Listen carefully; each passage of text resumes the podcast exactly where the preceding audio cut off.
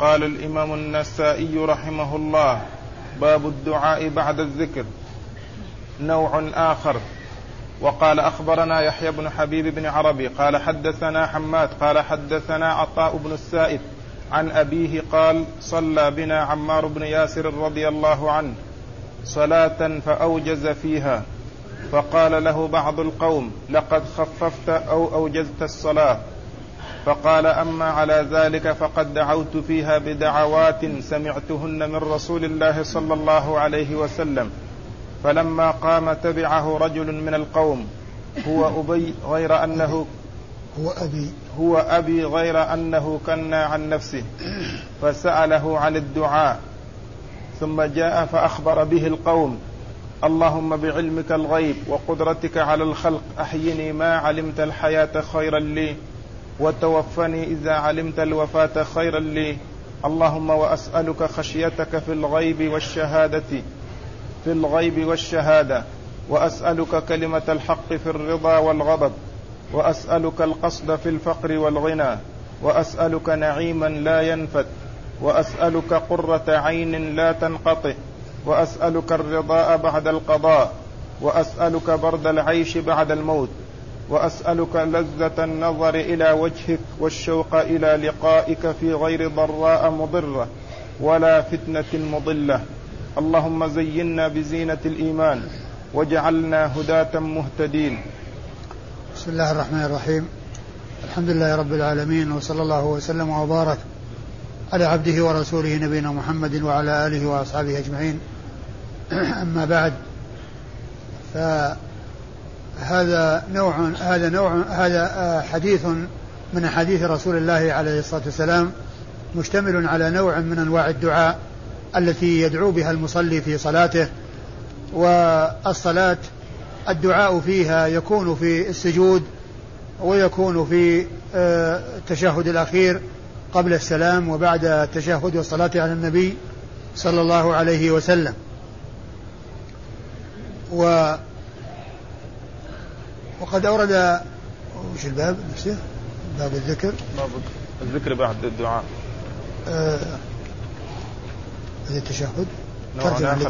اللي قبل باب الدعاء بعد الذكر. الدعاء بعد الذكر؟ أي. الدعاء بعد الذكر. آه آه هذا الدعاء الذي آه آه, آه، سمعه عمار بن ياسر رضي الله عنه من رسول الله صلى الله عليه وسلم مشتمل على سؤال بعد تعظيم لله عز وجل وثناء عليه وتوسل بصفتين من صفاته سبحانه وتعالى. ومن المعلوم أن الدعاء آه، أن التوسل إلى الله عز وجل بصفاته وبأسمائه بين يدي الدعاء هذا من أسباب قبول الدعاء.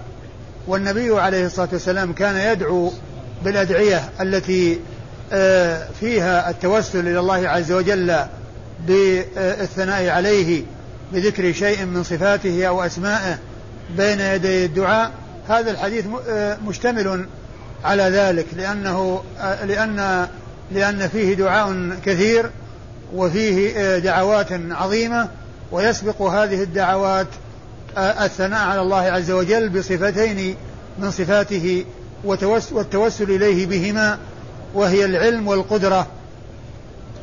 فيقول فعمار بن ياسر رضي الله تعالى عنه صلى صلاة أوجز فيها. فقال له بعض القوم أو قال له آه، آه، بعض الجماعة اللي صلوا وراءه إنك أوجزت أو خففت. فقال أما آه، أما ذلك فقد دعوت فيها. بدعوات سمعتهن من رسول الله عليه الصلاة والسلام. يعني معناه أنه إيجاز مع إتمام وليس الإيجاز الذي يخل. ومن المعلوم أن الإيجاز إذا كان مع إتمام فإن ذلك آه، آه، مما جاءت به السنة عن رسول الله عليه الصلاة والسلام. وإنما الذي يؤثر والذي يحذر هو الإيجاز الذي يكون معه إخلال والذي لا يتمكن معه آه، المأمون من المأموم من فعل ما هو مطلوب منه وذلك للسرعة الشديدة. وأما إذا كان إيجاز ولكن مع الإيجاز إتمام فهكذا فكان صلاة رسول الله عليه الصلاة والسلام كانت كذلك وجاء عنه ما يدل على ذلك. وعمار بن ياسر قال إنني قد دعوت فيها بدعوات. آه، سمعها من رسول الله عليه الصلاة والسلام. فلما انصرف تبعه بعض القوم والذي تبعه هو السائب الثقفي والد عطاء بن السائب ولكنه كنى عن نفسه بقوله تبعه رجل. وهذا يبين لنا أن أنه إذا جاء في بعض الأحاديث يقول فيها الراوي قال رجل أو يقول الصحابي قال رجل فيمكن أن يكون هو. إلا أنه لم يرد أن يسمي نفسه وهو صادق فيما قال لأن الذي سأله رجل أو الذي آه، فعل ذلك رجل. فهذا من من التكنية عن النفس بذكر رجل أنه فعل رجل كذا أو سأله رجل ويكون السائل هو أو تبعه رجل ويكون التابع هو كما جاء في هذا الحديث. لأن الذي تبع عمار بن ياسر وسأله عن هذه الدعوات التي دعا بها وكان سمعها من رسول الله عليه الصلاة والسلام آه، آه، آه، كن عن نفسه بأن قال فتبعه رجل. وهو رجل لكن ما قال تبعته وأضاف ذلك إلى نفسه وإنما قال تبعه رجل وهو صادق فيما قال لأنه تبعه رجل وهو رجل. لكن وهذا وهذا يستعملونه في التكنية يعني عن النفس. يعني لا يضيف الشيء إلى نفسه وإنما يضيفه إلى شخص يكني به عن نفسه فمثل رجل وهو صادق في ذلك. فسأله فأجابه وأخبره بتلك الدعوات. فرجع إلى القوم وأخبرهم بها. وهذه الدعوات هي آه، قوله عليه الصلاة والسلام في دعائه الذي رواه عمار بن ياسر عنه رضي الله تعالى عنه. يقول النبي عليه الصلاة والسلام اللهم إني اللهم بعلمك الغيب وبقدرتك على الخلق. وهذا توسل لأنه ما أتى بحاجته إلى الآن ولكنه مهد لسؤال حاجته بالثناء على الله عز وجل والتوسل إليه بصفتين من صفاته وهي علمه الغيب وقدرته على الخلق. والله عز وجل هو الذي يعلم الغيب ولا يعلم الغيب إلا الله عز وجل. و والله تعالى يطلع من شاء من خلقه على ما شاء من غيبه. لكن علم الغيب على الإطلاق هو من خصائص الله عز وجل. كما قال الله عز وجل قل لا يعلم من في السماوات والأرض الغيب إلا الله. فالله تعالى هو علام الغيوب الذي لا يخفى عليه خافية في الأرض ولا في السماء. والله تعالى قد يطلع خلقه على بعض ما شاء من غيبه كما أطلع رسوله عليه الصلاة والسلام على كثير من المغيبات. التي تقع في المستقبل وأخبر بها صلوات الله وسلامه وبركاته عليه. مما يجري في المستقبل من أشراط الساعة وما إلى ذلك من الغيوب المستقبلة فقد أطلع الله تعالى نبيه على ذلك وأخبر بها عليه الصلاة والسلام. فهو سبحانه وتعالى علام الغيوب وهو الذي على كل شيء قدير. فتوسل إلى الله عز وجل بعلمه الغيب. وبقدرته على الخلق لأنه هو الذي على كل شيء قدير. إذا أراد شيئا كان إنما أمره إذا أراد شيئا يقول له كن فيكون. إذا الرسول صلى الله عليه وسلم توسل بين يدي دعائه بالثناء على الله عز وجل وتعظيمه وذكر صفتين من صفاته هي العلم والقدرة علم الغيب والقدرة. اللهم بعلمك الغيب وبقدرتك على الخلق أسألك. أسألك. إذا ما قبل ذلك توسل. اللهم بعلمك الغيب وقدرتك على الخلق أحيني ما علمت الحياة خيرا لي. هذا هو الطلب. هذا هو أول الطلب. هذا هو أول السؤال. هذا هو أول الرجاء لكن ما قال مباشرة اللهم أحيني؟ وقد جاء في بعض النصوص السؤال يعني آه، آه، وإن لم يسبقه توسل. يعني وجاء في أحاديث كثيرة أدعية لم يسبقها توسل. لكن الدعاء الذي يسبقه, يسبقه توسل إلى الله عز وجل وثناء عليه آه هذا من أسباب قبول الدعاء. اللهم بعلمك الغيب وبقدرتك على الخلق أحيني ما علمت الحياة خيرا لي. وتوفني إذا علمت الوفاة خيرا لي. فهذا أول السؤال الذي سأله وطلبه من الله عز وجل. وهذا هو آآ آه، آآ آه، هذه الكيفية هي التي فيها الفائدة للإنسان. إن كانت الحياة خيرا له يبقيه وإن كانت الوفاة خيرا له يتوفاه. ولهذا جاء في الحديث عن رسول الله عليه الصلاة والسلام أنه قال لا يتمنين أحدكم الموت لضر نزل به.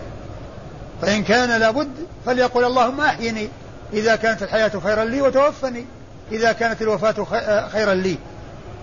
لأنه لا يدري. قد يكون هو يرى أنه في في ضيق وفي مشقة وفي مصيبة في هذه الحياة الدنيا فيطلب الانتقال فينتقل إلى أمر أشد وإلى أمر أخطر يحصل له بعد الموت. ولكن إذا سأل هذا السؤال هو على خير.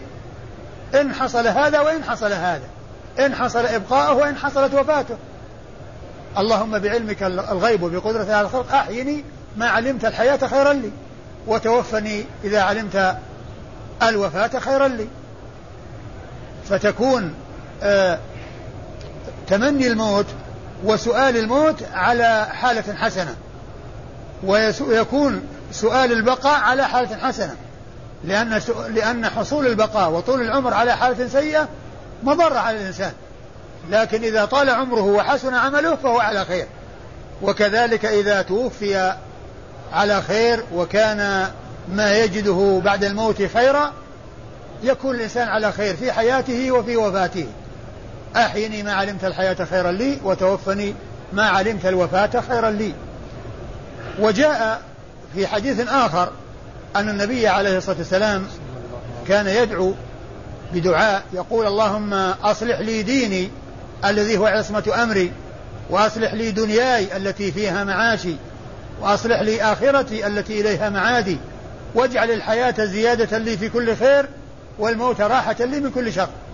واجعل الحياة زيادة لي في كل خير والموت راحة لي من كل شر. وهذه فائدة الحياة وهذه فائدة الموت.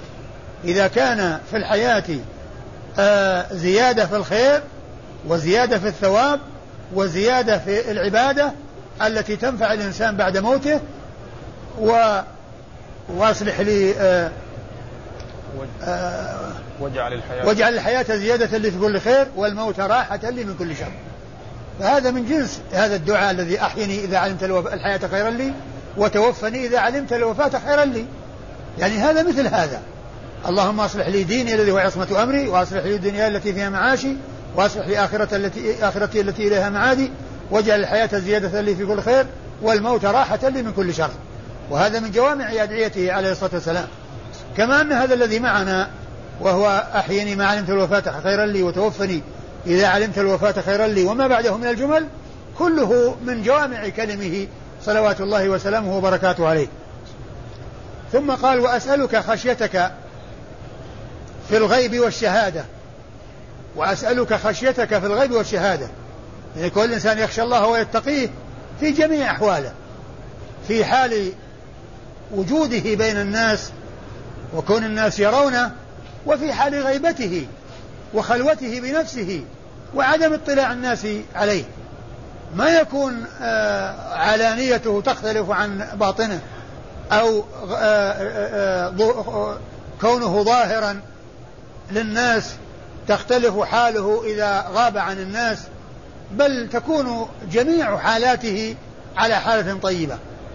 يعني يخشى الله عز وجل في سره وعلانيته ما يكون يظهر للناس بمظهر طيب وإذا خلا ظهر بمظهر خلاف ذلك. بل غيبه وشهادته كلها خير. فهو في حال سره وعلانيته وحال ظهوره وللناس واختفائه عن الناس يكون على حالة طيبة. يسأل الله تعالى الخشية أن يكون خاشيا لله في سره وعلانيته في كونه في الشهادة والغيبة في السر والعلانية. وأسألك وأسألك كلمة الحق. و... اللهم وأسألك خشيتك في وأسألك خشيتك الخشية هي كما قلنا هي الخوف والتقوى. وقد جاء في الحديث أن من السبعة الذين يظلهم الله في ظله يوم لا ظل إلا ظله رجل ذكر الله خاليا ففاضت عيناه. يعني ذكر الله خاليا يعني ليس معه أحد. ليس عنده أحد يراه وإنما هو ليس عنده أحد والذي آه، دفعه إلى ذلك خشية الله عز وجل. فبكت عينه من خشية الله ولم يكن عنده أحد. يعني معناه أن سره وعلانيته تكون سواء. ولهذا جاء في الحديث اتق الله حيثما كنت وأتبع السيئة الحسنة تمحها وخالق الناس بخلق حسن. يعني يتقي الله عز وجل في حال وجوده بين الناس وفي حال كونه في بيته وفي حال كونه في خلوته. ليس عنده أحد لا يطلع عليه إلا الله عز وجل. يكون الإنسان يتقي الله في جميع أحواله في بيته وخارج بيته في متجره في معمله في مكتبه في جميع أحواله يكون متقيا لله عز وجل. يلازم تقوى الله سبحانه وتعالى. اتق الله حيثما كنت. يعني ما تكون آه، إذا ظهر للناس ظهر بمظهر طيب وإذا خلا صار بخلاف ذلك فتكون صفات صفات المنافقين الذين يظهرون ما لا يبطنون ويظهرون بشيء هم خلاف هم على خلافه في السر وفي حال آه، آه، الاختفاء عن الناس. وإنما يكون الإنسان جميع في جميع أحواله يعني يحرص على أن يكون يخشى الله سبحانه وتعالى في جميع الأحوال. وأسألك خشيتك في الغيب والشهادة. يعني كونه غائبا عن الناس وكونه على مرأى من الناس وعلى مشاهدة من الناس. وأسألك كلمة الحق في الغضب والرضا. أسألك كلمة الحق. أن يكون يقول يقول الحق ويتكلم بالحق في حال سروره وفي حال غضبه. ما يكون في حال سروره آه، له حال وإذا غضب تغير وانقلب وأتى بالكلام الذي لا ينبغي وسب وشتم وتجاوز الحدود فكلمة الحق آه، يسأل, يسأل العبد ربه في هذا السؤال أن آه، يمكنه من ذلك وأن يجعله يتكلم بالحق في حال غضبه ورضاه. في حال غضبه ورضاه. ولهذا الغضب يحصل عنده من الشدة ومن الكلام السيء يعني ما يحصل. ولهذا الرسول صلى الله عليه وسلم أرشد إلى يعني كون الإنسان يمسك نفسه عند الغضب وأنه يكبتها وأنه يبتعد عن أن يتكلم بما لا ينبغي في حال الغضب. ولهذا الرسول صلى الله عليه وسلم لما جاءه رجل وقال أوصني قال لا تغضب. فكرر مرارا قال لا تغضب. لأن الغضب إذا حصل يجعل الإنسان يتكلم بكلام لا ينبغي وبكلام لا يليق فيتضرر بذلك ويضر غيره بذلك بسبب كونه يتكلم في حال غضبه وخرج عن طوره وتكلم بما لا ينبغي فيكون بذلك أساء إلى نفسه وأساء إلى غيره. فيكون الإنسان يقول الحق ولو على نفسه في حال رضاه وفي حال غضبه. يقول العدل ويتكلم بالعدل ويكون ذلك في حال سروره وفي حال غضبه في حال رضاه وفي حال غضبه. يسأل العبد ربه أن آه، آه، أن يمكنه من أن يأتي بالكلمة بكلمة الحق في حال غضبه وفي حال رضاه. ما يكون في حال سروره له كلام وإذا حصل الغضب تبدل الكلام وجاء كلام آخر.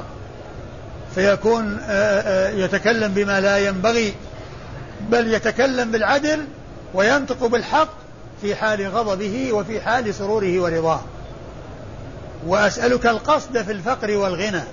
القصد هو التوسط والاعتدال وعدم آه، الإفراط والتفريط.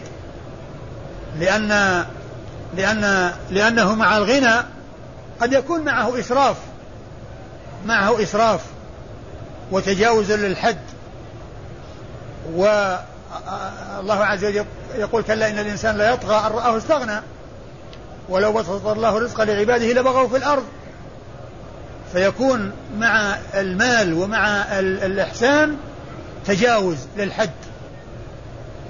ومع الفقر يكون فيه اكتراث واستياء واعتراض على قضاء الله وقدره وكون الإنسان يتسخط ويتلوم ويتكلم بكلام لا ينبغي وإنما يكون الإنسان غنيا شاكرا أو فقيرا صابرا فيكون في حال غناه يكون شاكرا ويصرف النعم فيما أمر فيما شرع له أن يصرفها فيه ولا يستعملها فيما يعود عليه بالمضرة وإنما يستعملها فيما يعود عليه بالخير.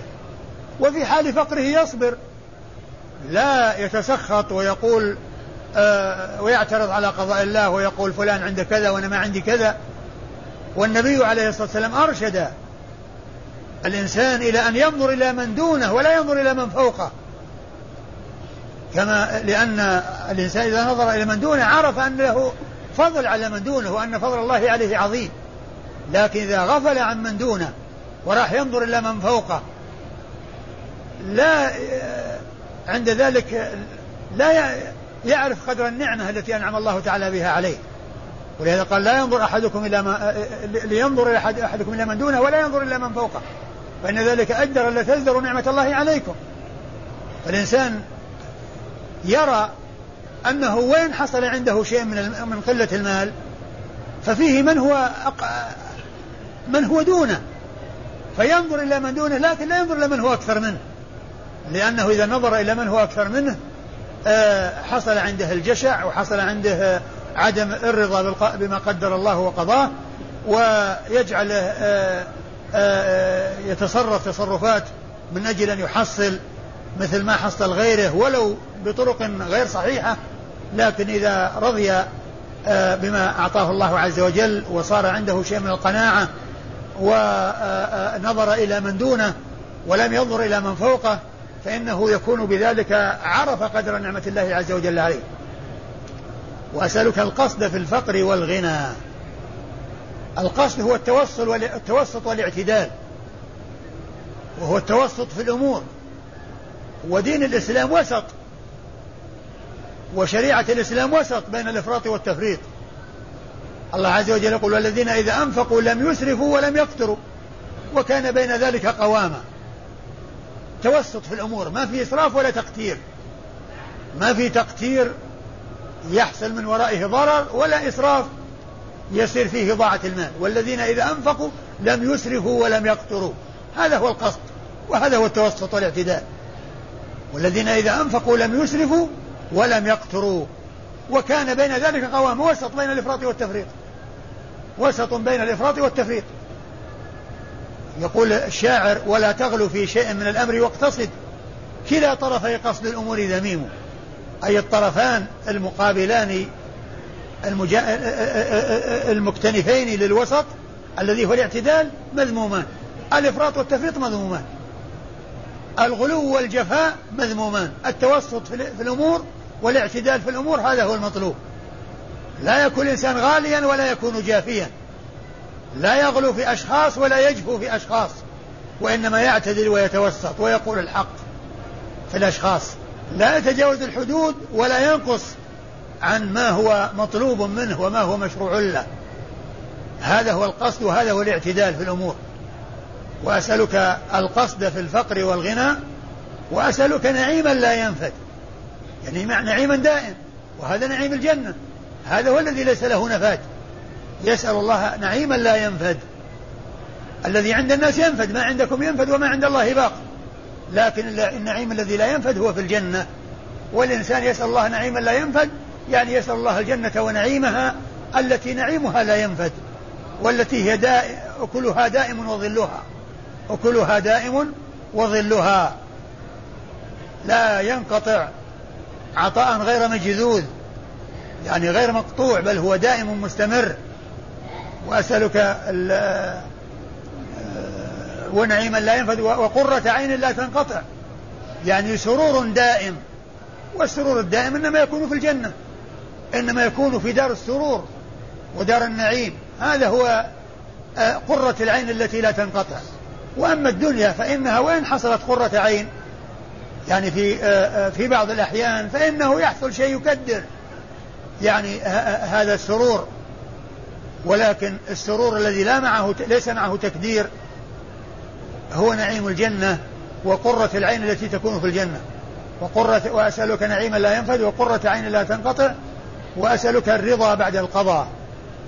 يعني آه، يرضى بقضاء الله وقدره. إذا وقع إذا وقع له شيء يعني آه، يؤلمه من الأقدار المؤلمة فإنه يؤمن بقضاء الله وقدره ويرضى بقضاء الله وقدره ويقول قدر الله وما شاء فعل لو قدر غير ذلك لكان كما قال عليه الصلاة والسلام في الحديث الصحيح الذي رواه مسلم في صحيح من حديث أبي هريرة المؤمن القوي خير وأحب إلى الله من المؤمن الضعيف وفي كل خير احرص على ما ينفعك واستعن بالله ولا تعجز. احرص على ما ينفعك واستعن بالله. يعني ما نأخذ بالأسباب ولا تعول على الأسباب فقط بل عول على مسبب الأسباب ولكن أنت افعل الأسباب وخذ بالأسباب التي تؤدي إلى ما تريد. واستعن بالله أن يحقق لك ما تريد. يعني معناه أنك لا تأخذ بالأسباب وتقول والله خلاص يعني آه هذه أمور طبيعية إذا جاء السبب جاء المسبب لا هناك شيء وراء السبب وهو توفيق الله عز وجل وتقدير الله عز وجل. فإن الله تعالى إذا قدر أن لا يوجد المسبب وجد السبب ولم يوجد المسبب. إنسان إذا أراد أن يحصل الولد الطريق إليه أنه يتزوج. هذا هو الطريق المشروع اللي يحصل به الولد. ما في طريقة يحصل بها الولد إلا عن طريق الزواج. ما أحد يترك الأسباب يقول الله خلاص يا الله مقدر إني ولد جاني وأنا ما أتزوج. لا هذا هذا سفه وجنون. ولكنه يأخذ بالسبب فيتزوج. لكن إذا تزوج خلاص بمجرد الزواج يجي الولد لا في شيء آخر وراه وهو آه، آه، توفيق الله عز وجل وإعانة الله عز وجل آه، وكون الله عز وجل يقدر أن يوجد الولد. استعن بالله احرص على ما ينفعك واستعن بالله. ما تحرص على ما ينفعك فقط وتغفل عن الله عز وجل بل خذ بالأسباب وعول على مسبب الأسباب وتوكل على مسبب الأسباب واسأل مسبب الأسباب أن ينفع بالأسباب. اسأل الذي جعل السبب أن يأتي بالمسبب الذي قدر السبب أن يأتي بالمسبب. آه ولا تعجز. وإن أصابك شيء فلا تقل لو أني فعلت لكان كذا وكذا. لو أني فعلت إنسان دخل في تجارة وحصل لك كساد قال لو لو أن ما دخلت في التجارة وسلكت طريقا ثانية يكون أحسن. هذا هذا اعتراض على قضاء الله وقدره. ما تقول الذي كان الذي قدر الله كان. وما تدري ماذا يكون فيما لو فعلت ذاك الذي تقول إنه أحسن. علم الغيب عند الله عز وجل. فإن أصابك شيء فلا تقل لو أني فعلت لكان كذا وكذا.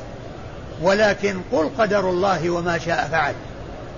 فإن لو تفتح عمل الشيطان فإن لو تفتح عمل الشيطان وأسألك كلمة الحق وأسألك الرضا بعد القضاء.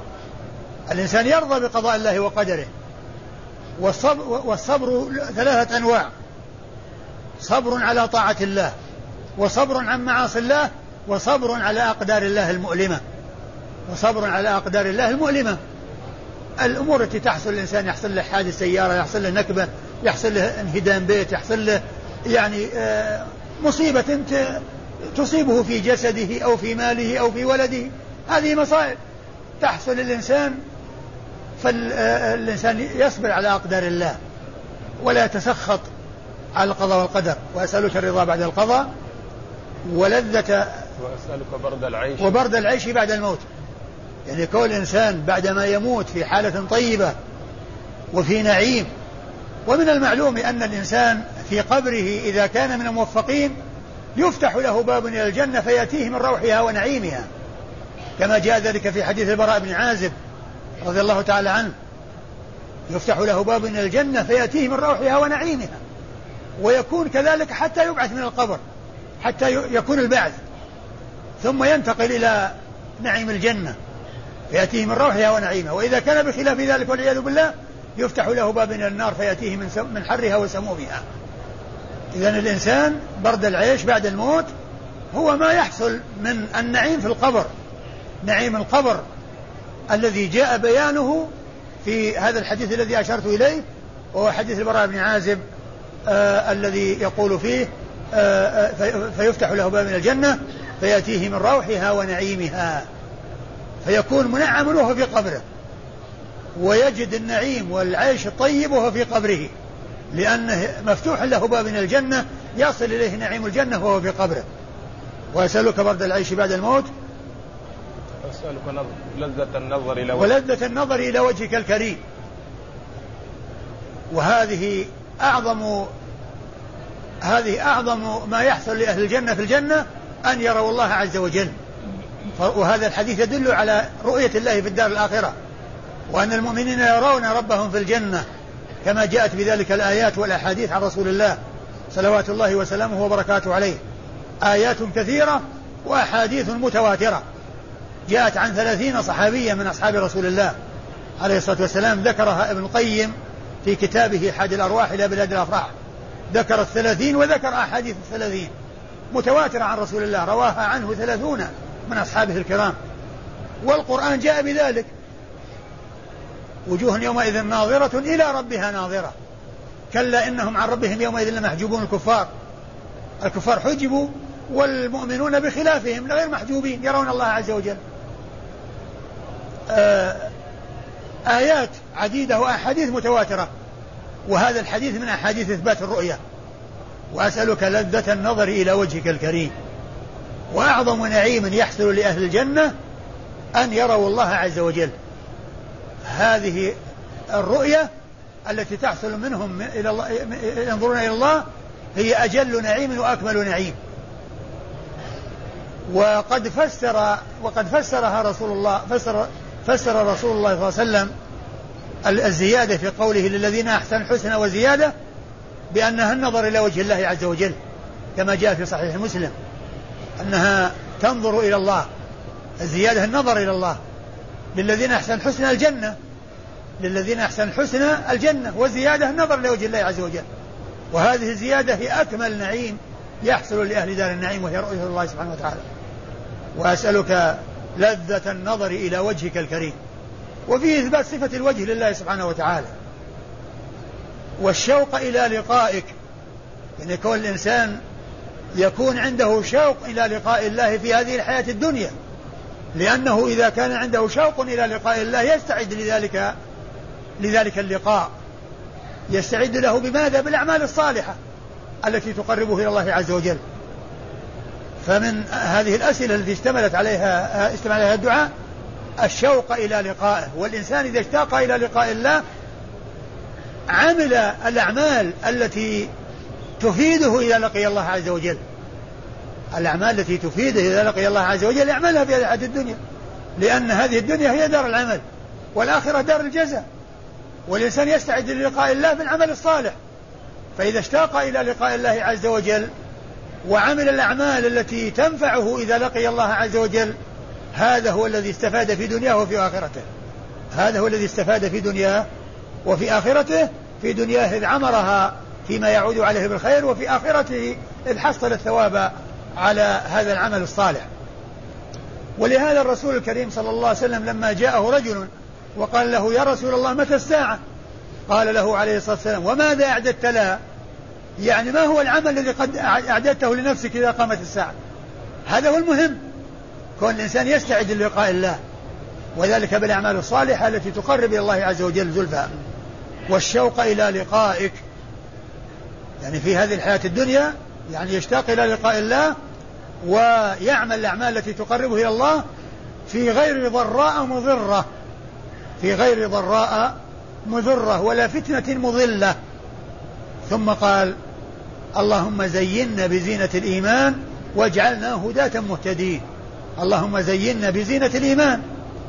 الزينة الحقيقية هي زينة الإيمان لأن الإيمان إذا وفق الإنسان لتحقيقه والقيام بما هو مطلوب منه يجد ثواب ذلك عند الله عز وجل. اللهم زينا بزينة الإيمان واجعلنا هداة مهتدين. هداة في أنفسنا مهتدين في أنفسنا هداة لغيرنا. يكون الإنسان هاديا مهديا ينفع نفسه وينفع غيره.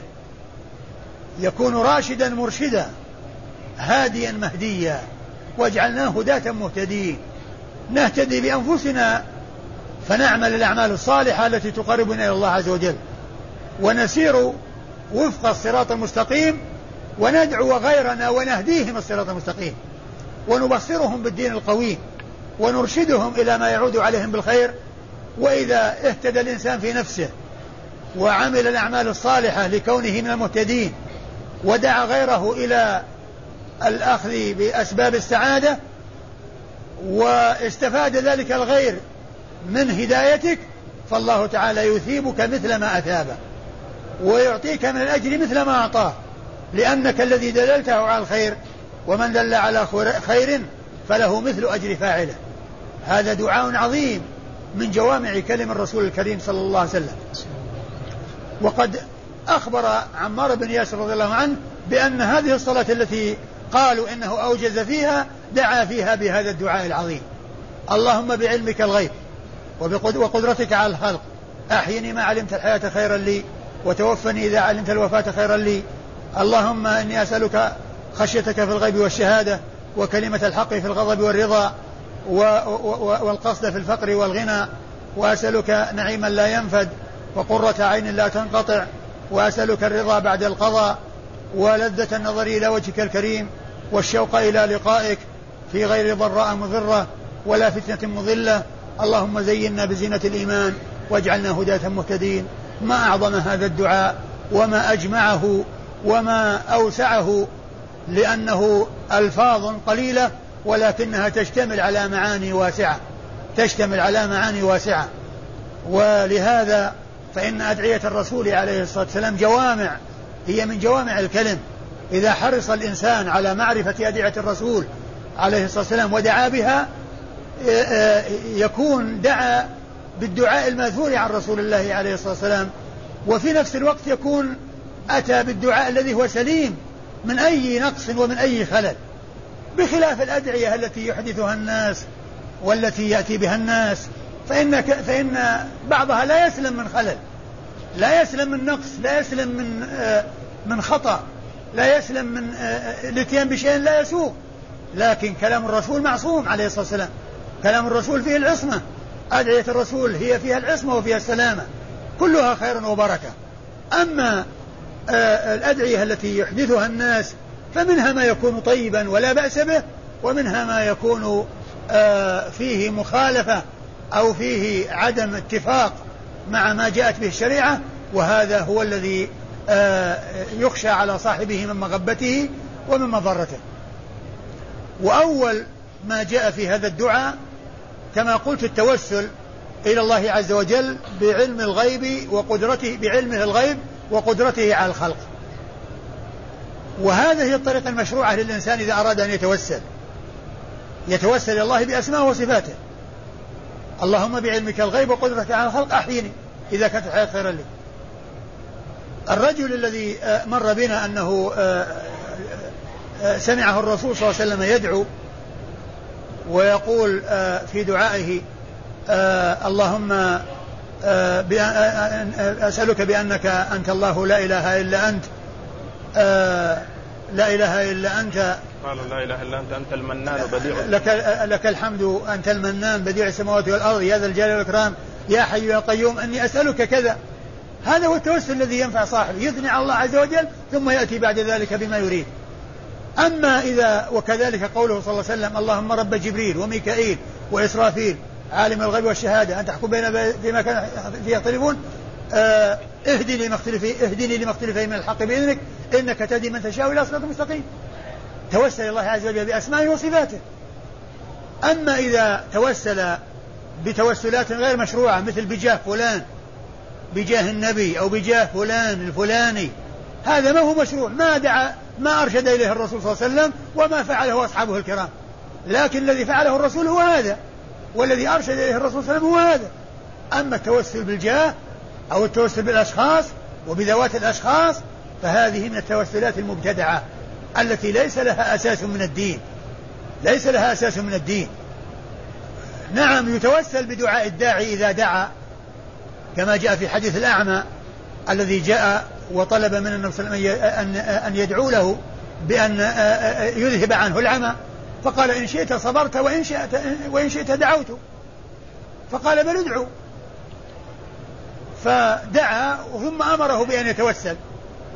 يعني به أي بهذا الدعاء الذي دعا به. ولهذا كان الصحابة رضي الله عنهم وأرضاهم في آه، حياة الرسول صلى الله عليه وسلم إذا أصابهم قحط وجدب جاءوا إليه وطلبوا منه أن يدعو وتوسلوا بدعائه. ولما مات رسول الله عليه الصلاة والسلام ما جاءوا إلى قبره وطلبوا منه أن يدعو ولا توسلوا به أيضا. يعني آه، آه، كون كونهم يعني بعد وفاته صلى الله عليه وسلم يقول اللهم آه، بجاه نبيك أسقنا أو اللهم أسقنا بجاه نبيك. ما كانوا يفعلون هذا. وإنما عمر بن الخطاب رضي الله عنه هو أحد الخلفاء الراشدين المهديين الراشدين المهديين آه لما حصل بالناس جدب آه واستسقى وطلب من العباس عم رسول الله عليه الصلاة والسلام أن يدعو. وقال اللهم إنا كنا إذا أجدبنا توسلنا إليك بنبينا أي بدعائه فتسقينا. وإنا نتوسل إليك بعم نبينا فأسقنا. قم يا عباس فادعو الله. قم يا عباس فادعو الله. فيتوسلون بدعاء النبي, صلى الله عليه وسلم في حياته حيث يدعو لهم وفي الاستسقاء وفي غيره. وأما بعد وفاته عليه الصلاة والسلام فما كانوا يطلبون منه شيئا وإنما كانوا يدعون له عليه الصلاة والسلام. يدعون له ويصلي. أنواع التوسل ويعرف أنواع التوسل المشروعة فيعمل بها ويأخذ بها ويحذر من أن يقع بأنواع التوسل المبتدعة التي ما يعرفها أصحاب رسول الله عليه الصلاة والسلام وما جاءت لهم على لسان وما خطرت لهم على بال وإنما أحدثها المحدثون وأتى بها الناس الذين جاءوا بعدهم. وكل خير باتباع من سلف. ولن يصلح ولن يصلح آخر هذه الأمة إلا بما صلح به أولها. كما قال ذلك مالك بن أنس رحمة الله عليه. الحاصل أن هذا حديث عظيم. ودعاء جامع ومشتمل ومشتمل على توسل وأدعية جامعة من جوامع كلم الرسول الكريم صلوات الله وسلامه وبركاته عليه. فإذا تعلم الإنسان أدعية رسول الله عليه الصلاة والسلام مثل هذا الدعاء وغيره ودعا بها في صلاته وفي غير صلاته هذا هو الذي أتى بالدعاء السليم المستقيم الذي خرج من مشكاة النبوة والذي آه، دعا به الصادق المصدوق صلوات الله وسلامه وبركاته عليه والذي لا شك أنه آه، فيه العصمة وفيه السلامة لأنه كلام الذي لا ينطق عن الهوى صلوات الله وسلامه وبركاته عليه. وأما إسناد الحديث فيقول النسائي أخبرنا يحيى بن حبيب بن عربي. يقول النسائي أخبرنا يحيى بن حبيب بن عربي وهو بصري ثقة أخرج له مسلم وأصحاب السنن الأربعة. قال حدثنا حماد. قال حدثنا حماد وهو بن زيد. حدثنا حماد وهو بن زيد. بن درهم البصري وهو ثقة خرج حديثه أصحاب الكتب الستة. قال حدثنا عطاء بن السائب. قال حدثنا عطاء بن السائب الثقفي وهو آه، صدوق اختلط ولكن حماد بن زيد ممن روى عنه قبل الاختلاط. الذي روى عنه هذا الحديث ممن روى عنه قبل الاختلاط. عن أبيه؟ وحديثه عند البخاري الأربعة. نعم. حديثه عند البخاري والأربعة. نعم حديثه عند البخاري اللي هو أخرج حديث البخاري وأصحاب السنة الأربعة. نعم عن لكنه. مختلط وحماد بن زيد ممن سمع منه قبل الاختلاط. أيوه. عن أبيه. عن أبيه السائب الثقفي وهو ثقة أخرج له البخاري في الأدب والأربعة. البخاري في الأدب المفرد وأصحاب السنة الأربعة. أخرج له البخاري في الأدب المفرد وأصحاب السنة الأربعة. عن عمار. عن عمار بن ياسر صاحب رسول الله صلوات الله وسلامه عليه ورضي الله عنه وأرضاه وهو صحابي مشهور أخرج حديثه أصحاب الكتب الستة. قال أخبرنا عبيد الله بن سعد بن إبراهيم بن سعد قال حدثنا عمي قال حدثنا شريك عن أبي هاشم الواسطي عن أبي مجلز عن قيس بن عباد قال صلى عمار بن ياسر رضي الله عنهما بالقوم صلاة أخفها. فكأنهم أنكروها فقال ألم أتم الركوع والسجود؟ قالوا بلى. قال أما إني دعوت فيها بدعاء كان النبي صلى الله عليه وسلم يدعو به.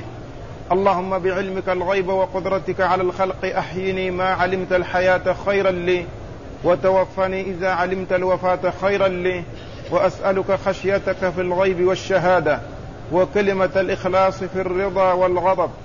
وأسألك نعيما لا ينفت وقرة عين لا تنقطع وأسألك الرضا بعد القضاء وبرد العيش بعد الموت ولذة النظر إلى وجهك والشوق إلى لقائك وأعوذ بك من ضراء مضرة وفتنة مضلة. اللهم زينا بزينة الإيمان واجعلنا هداة مهتدين. ثم ورد النسائي حديث حديث عمار بن ياسر من طريق أخرى وهو مقارب للذي آه، للطريقة السابقة. والفرق بينها يسير جدا آه، وإسناد الحديث يقول أخبرنا عبيد الله بن سعد. أخبرنا عبيد الله بن سعد بن إبراهيم بن سعد وهو صدوق. ثقة. ثقة أخرج له, أخرج له البخاري وأبو داود والترمذي والنسائي. وهو ثقة أخرج له البخاري وأبو داود والترمذي والنسائي. عن عمه عن عمه يعقوب بن إبراهيم بن سعد وهو ثقة فاضل أخرج حديثه أصحاب الكتب الستة. عن شريك. عن شريك بن عبد الله القاضي النخعي الكوفي وهو صدوق يخطئ آه، كثيرا وحديثه أخرجه البخاري تعليقا ومسلم وأصحاب السنة الأربعة. عن أبي هاشم الواسطي عن أبي هاشم الواسطي وهو الرماني واسمه يحيى بن دينار وهو ثقة خرج حديثه أصحاب الكتب الستة. عن أبي مجلز. عن أبي مجلز وهو لاحق بن حميد السدوسي آه وهو ثقة أخرج حديثه وأصحاب الكتب الستة. عن قيس بن عباد. عن قيس بن عباد وهو ثقة أخرج حديثه الجماعة إلا الترمذي. أخرج حديثه أصحاب الكتب الستة إلا الترمذي فإنه لم يخرج له شيئا. عن عمار. عن عمار وهو آه الذي مر ذكره في آه الاسناد وهو صاحب الحديث أو راوي الحديث عن رسول الله صلى الله عليه وسلم. في إيش؟ السند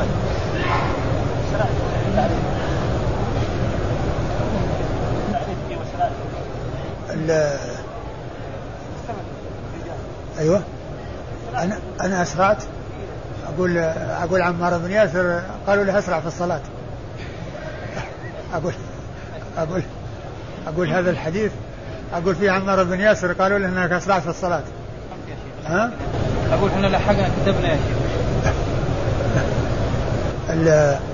آه، إبراهيم آه، آه، شو اسمه الأول؟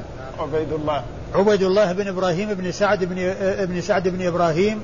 عبيد الله عبيد الله بن إبراهيم. عبيد الله بن سعد. عبيد الله بن سعد بن إبراهيم بن سعد ثقة خرجه البخاري وأبو داود والترمذي والنسائي. يروي عن عمه يعقوب بن إبراهيم بن سعد وهو ثقة فاضل أخرج له أصحاب الكتب الستة. يروي عن شريك بن عبد الله النخعي الكوفي القاضي وهو صدوق آه، يخطئ كثيرا وحديثه أخرجه البخاري تعليقا ومسلم وأصحاب السنة الأربعة.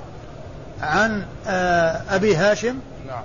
عن أبي هاشم الواسطي وهو الرماني واسمه يحيى بن دينار وهو ثقة أخرج حديثه أصحاب الكتب الستة. يروي عن أبي مجلز وهي كنية صاحبها لاحق بن حميد السدوسي وهو ثقة أخرج حديثه وأصحاب الكتب الستة. عن قيس بن عباد آه ثقة خرج له آه أصحاب الكتب الستة إلا الترمذي. أصحاب الكتب الستة إلا الترمذي. عن عمار. نعم. عن عمار وقد خرج له أصحاب الكتب الستة وهو الذي مر في الإسناد الذي قبل هذا. والله تعالى أعلم وصلى الله وسلم وبارك على عبده ورسوله نبينا محمد وعلى آله وأصحابه أجمعين.